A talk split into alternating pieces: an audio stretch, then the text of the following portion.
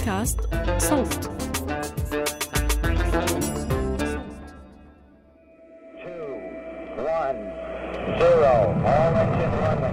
في عام 1969 نيل أرمسترونغ وبوز ألدرين أصبحوا أول أشخاص بيمشوا على القمر.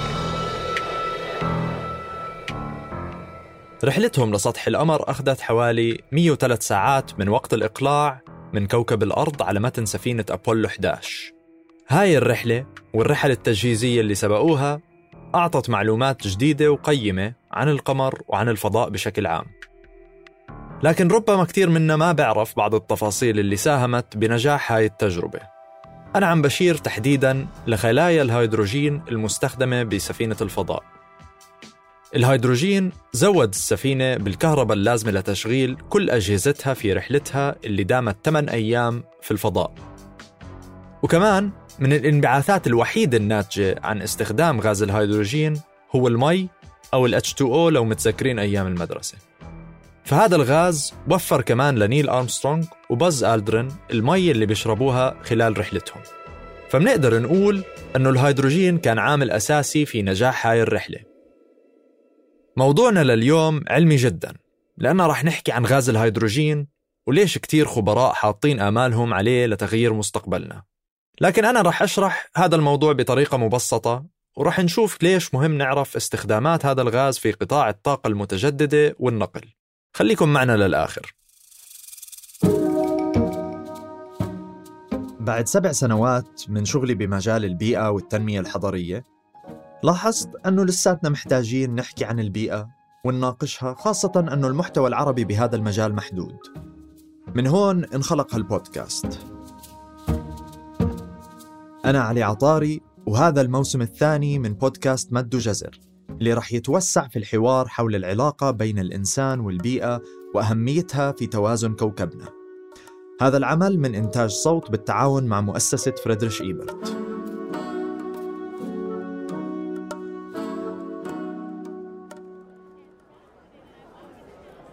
بحصة الكيمياء واحد من أول الأشياء اللي بنتعلمها هو العناصر الكيميائية المختلفة الموجودة بالجدول الدوري.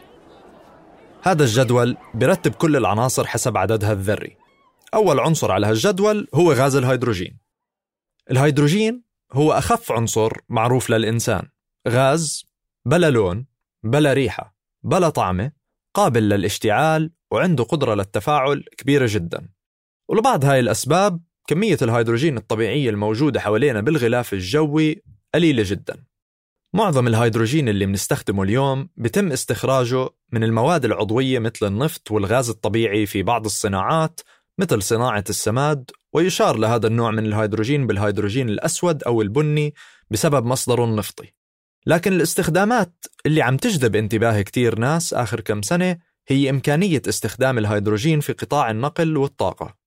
تكنولوجيا الطاقة المتجددة تطورت كتير آخر كم سنة لكن بضل عندنا مشكلة في قدراتنا على تخزين هاي الطاقة أو الاستفادة منها بالأوقات الغير منتجة. على سبيل المثال استخدام الطاقة الشمسية خلال أوقات الليل.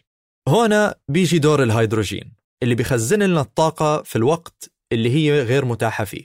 وزي ما في هيدروجين بني وأسود الهيدروجين المستخلص من الطاقة المتجددة بسموه هيدروجين أخضر. Want to listen to a debate on hydrogen cells because I, I just think that they're extremely silly. But the coming years may see clean hydrogen deploy at commercial scale in a way that unlocks countless new opportunities. هاي المقاطع من رجل الأعمال إيلون ماسك ومبعوث الرئيس الأمريكي لشؤون المناخ جون كيري بتبين الخلاف حول موضوع الهيدروجين واحد مع استخدام الهيدروجين بشدة والآخر ضده تماماً الانتقال للهيدروجين صعب لأنه عملية الاحتفاظ فيه خطرة كونه قابل للتفاعل والاشتعال. وهذه المخاوف ما بتيجي من فراغ. على سبيل المثال في 2019 فقط صار في انفجارات بالنرويج أمريكا وكوريا الجنوبية بمحطات هيدروجين مستخدمة لشحن سيارات الهيدروجين وهاي كانت سبب كافي أنها تبطئ عملية انتشار هاي السيارات والبنية التحتية اللي بتيجي معها. لهاي الأسباب تكنولوجيا الهيدروجين بتكون معقدة وغالية. بالطاقة المتجددة إنتاج الهيدروجين بيتم بأجهزة غالية اسمهم electrolyzers نستخلص منهم الهيدروجين من المي. الهيدروجين المستخلص بنقدر ننقله على مكان تاني ونستخدمه لإنتاج الكهرباء. سبب مهم أن بنعمل هذا الإشي هو سهولة نقل الهيدروجين بعد ما نستخلصه. هذا بيعطينا قدرة ننقل الطاقة من مكان للتاني وبسمح لنا أن فعليا ننتج طاقة متجددة ببلد وننقلها على بلد تاني اللي هو حاليا مش خيار متاح. تقليديا النفط والغاز بنتقلوا بين البلدان ببراميل أو أنابيب فسهولة نقلهم بيعطيهم أفضلية على الطاقة المتجددة. الهيدروجين بغير هذا الوضع وبصير عندنا مرونة واستخدام مجدي أكثر للطاقة المتجددة.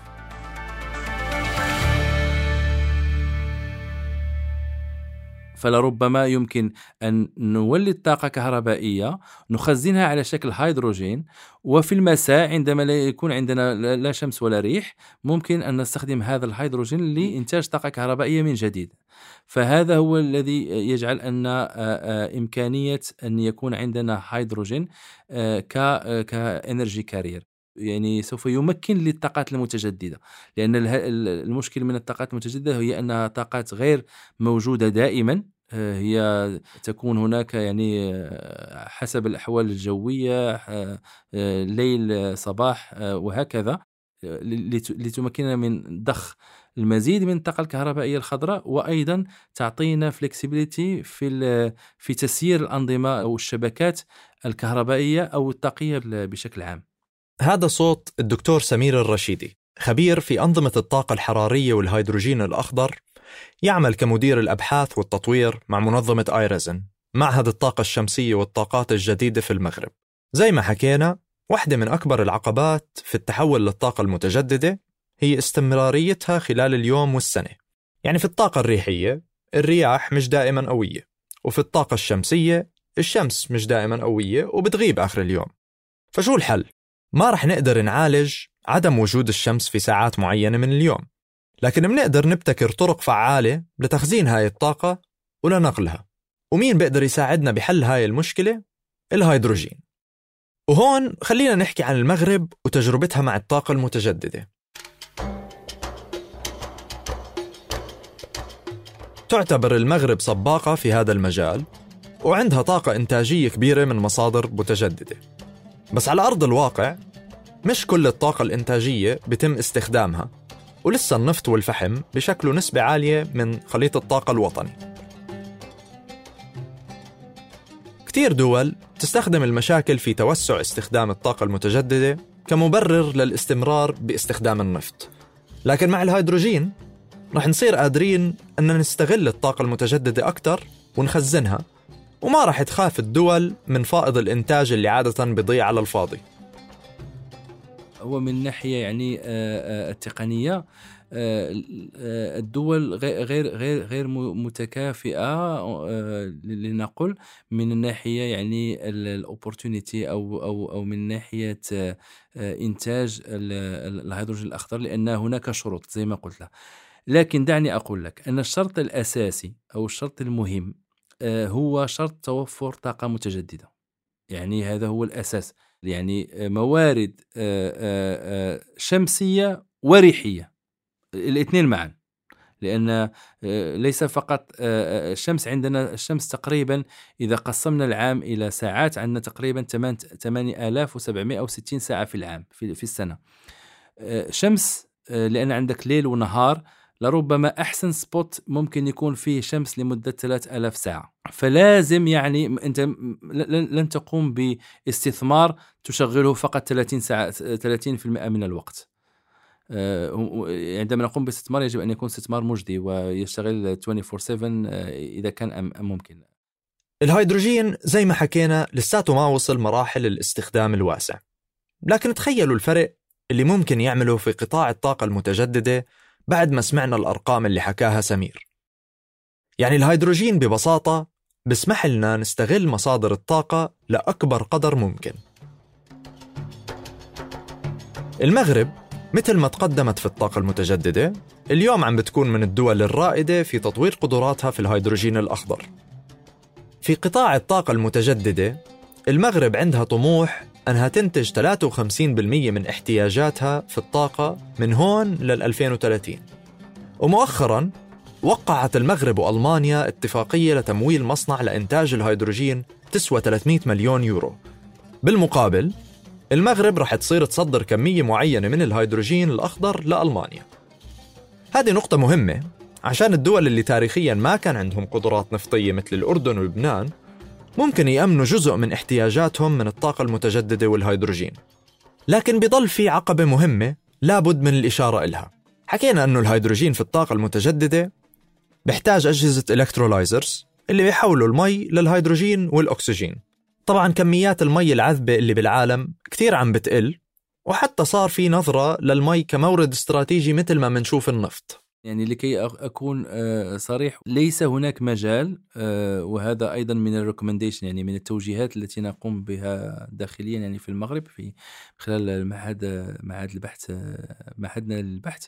هو أننا نقول أن ليس هناك مجال لاستخدام المياه آه، مياه الشرب أو مياه السقي في هذه الصناعة. من الناحية ال يعني ال الفكرية والقيميه يعني مش ممكن ethically speaking يعني لا يجب أن نقوم هذا بأي شكل.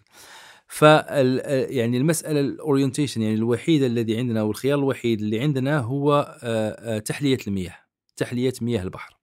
الدول التي سوف تقوم بتطوير هذه المشاريع في في أول وهلة هي دول مطلة على البحار ولكن عندما سوف تكثر هذه النقط التحلية يجب أن نكون حذرين آه، نكون حذرين آه، آه، لمسألة تدبير هذه المخلفات أو ال brine waters ولا ال brackish water يعني هذه المياه المالحة المركزة التي تكون مخلفة من من من من التحلية. فيجب تدبيرها بشكل جيد ومسؤول لكي لا يكون هناك تأثير على الفونا والفلورا يعني الوسط البحري الذي سوف يتم فيه إرجاع هذا الماء المالح أو تدبيرها في البر عن طريق تبخير واستخراج الأملاح وتدبيرها بشكل بشكل بيئي إيجابي يحترم المعايير الدولية لكي لا يكون هناك لا ضرر ولا ضرار.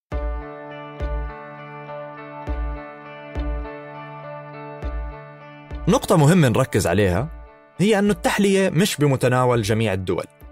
هاي العملية مع إنها بتوفر حل لمشكلة شح المياه بتضل عملية غالية وبتحتاج كميات طاقة هائلة. فربما نجاح تجربة الهيدروجين رح تكون محصورة على بعض الدول المقتدرة خصوصا في المدى القريب أو لنلاقي بديل غير المي. لكن بعد الاطلاع على بعض الدراسات الجديدة يوجد أمل بابتكار طرق ما بتحتاج تحلية يعني بتستخدم المي المالحة لتعمل نفس العملية بس هذا الإشي لسه بده وقت. حاليا في كتير شركات كبيرة عم بتحاول تبطئ من عملية الانتقال للهيدروجين الأخضر من خلال ال lobbying أو الترويج للهيدروجين المستخلص من الغاز الطبيعي. تبريرهم هو أنه التكنولوجيا الهيدروجين الأخضر لسه ما تطورت بالقدر المطلوب والتكنولوجيا غالية جدا. غير هيك البنية التحتية المستخدمة للغاز الطبيعي ممكن استخدامها لنقل غاز الهيدروجين. المشكلة طبعا أنه الغاز الطبيعي ينتج عنه غازات دفيئة بتساهم بالتغير المناخي بأضعاف غازات مثل ثاني أكسيد الكربون. عشان يتعاملوا مع هاي الانبعاثات بدهم يدمجوا هاي العملية مع إشي اسمه carbon sequestration أو حجز الكربون تحت الأرض. اللي بيصير بهاي العملية أنه أي انبعاثات ناتجة تنعزل في جوف الأرض بس هذا ممكن ينتج عنه تسريبات لغاز ميثان السام. كثير من المجتمع البيئي بيعارض هاي الفكرة لأنه هاي المرحلة الانتقالية ممكن تكون طريقة أنهم يطولوا أساليب العمل القائمة والمربحة قدر الإمكان. وبنفس الوقت بدلا من تجربة الهيدروجين الأخضر على أرض الواقع ودراسة قدراتنا على التوسع فيه بنرجع منركز على تقنيات أخرى غير مثبتة. بهذا الوقت مهم جدا أن نحفز التكنولوجيا اللي ممكن تغير العالم للأحسن والهيدروجين عنده القدرة أنه يعمل هذا الإشي. أنا لا أريد أن أكون من المغالين أو المدافعين بشكل حماسي كثير أيضا لل على الهيدروجين ولكنه يجب أخذه يعني كمكمل للبوزل يعني كمكمل لل بحال اللي كيقولوا بزاف في ال studies يعني it's not silver bullet يعني مش المسألة التي سوف تحل أزمة الاحتباس الحراري أو أزمة التغير المناخي بشكل آه، آه، يعني كلي ولكنها ستساهم بالإضافة إلى يعني other elements renewable energy يعني الطاقات المتجددة النجاعة الطاقية هذا شيء مهم أيضا. والتكنولوجيا الأخرى كالسيارات الكهربائية البيت البطاريات وكذا للدفاع آه، أو لمحاربة التغير المناخي. من من منطلقي الشخصي العدو يعني أو المنافس الأكبر للتكنولوجيا النظيفه ليس التكنولوجيا في بين بعضها البعض ولكن المنافس الأكبر للتكنولوجيا النظيفه هو ال climate change هو التغير المناخي. لا يجب أن نقع في ما وقع لأن ما وقعنا فيه قبلا هو أننا اخترنا مثلا ال paradigm ديال البترول ك ك كوسيلة أساسية للاقتصاد. يعني اقتصادنا كله مبني على على حرق الوقود آه، في في المنازل في السيارات في المصانع وكذا. آه، بالعلم أن أن اكتشاف ال fuel cell واكتشاف البطارية كان متزامنا مع اكتشاف ولا ربما السيارات الكهربائية كانت يعني تسير قبلا من السيارات الحرارية. ولكن كان هناك اختيار there was a shift in the past يعني في الماضي. أيضا هناك دول ذهبت بشكل كبير للطاقة النووية وهذا أيضا لربما كمثلا دولة فرنسا أو أو غيرها فهذا يمكن يعني يقوم ب ب bias يعني ب ب ب باختيارات آه، نغلب آه، آه، بعض الحلول على بعض الآخر ولكن أظن أننا سنربح إذا شكلنا يعني toolbox كوسيلة يعني مجموعة من الطاقات المتجددة المتكاملة بينها لا تتعارض بينها. ويتم استخدامها case by case يعني بطريقة فعالة وناجعة.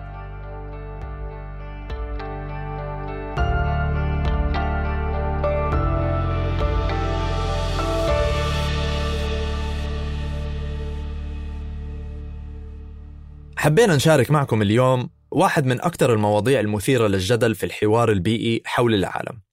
غاز الهيدروجين وراءه زخم كبير لقابليته لتغيير العالم كمكمل للطاقة المتجددة وكبديل في النقل وبعض القطاعات الأخرى. من جهة هو عنده مجال أنه يسمح لنا نستغل الطاقة المتجددة خلال جميع أوقات اليوم وبسمح لنا أن ننقل الطاقة اللي مننتجها من مصادر متجددة من مكان للتاني. ومن جهة أخرى في كتير مخاوف وراء جدوى الهيدروجين بسبب خطورته وثمنه وعدم تقدم التكنولوجيا وراءه بشكل كافي بسمح للعالم أنه يتبناه بشكل واسع. لكن بنفس الوقت الهيدروجين بيعطينا نقطة أمل في عالم عم بيتجه لأماكن عم بصعب الرجوع منها بسبب التغير المناخي. فممكن أنه يساعد في تغيير مستقبلنا مثل ما ساعد في تغيير مستقبل اكتشاف القمر قبل أكثر من خمسين سنة.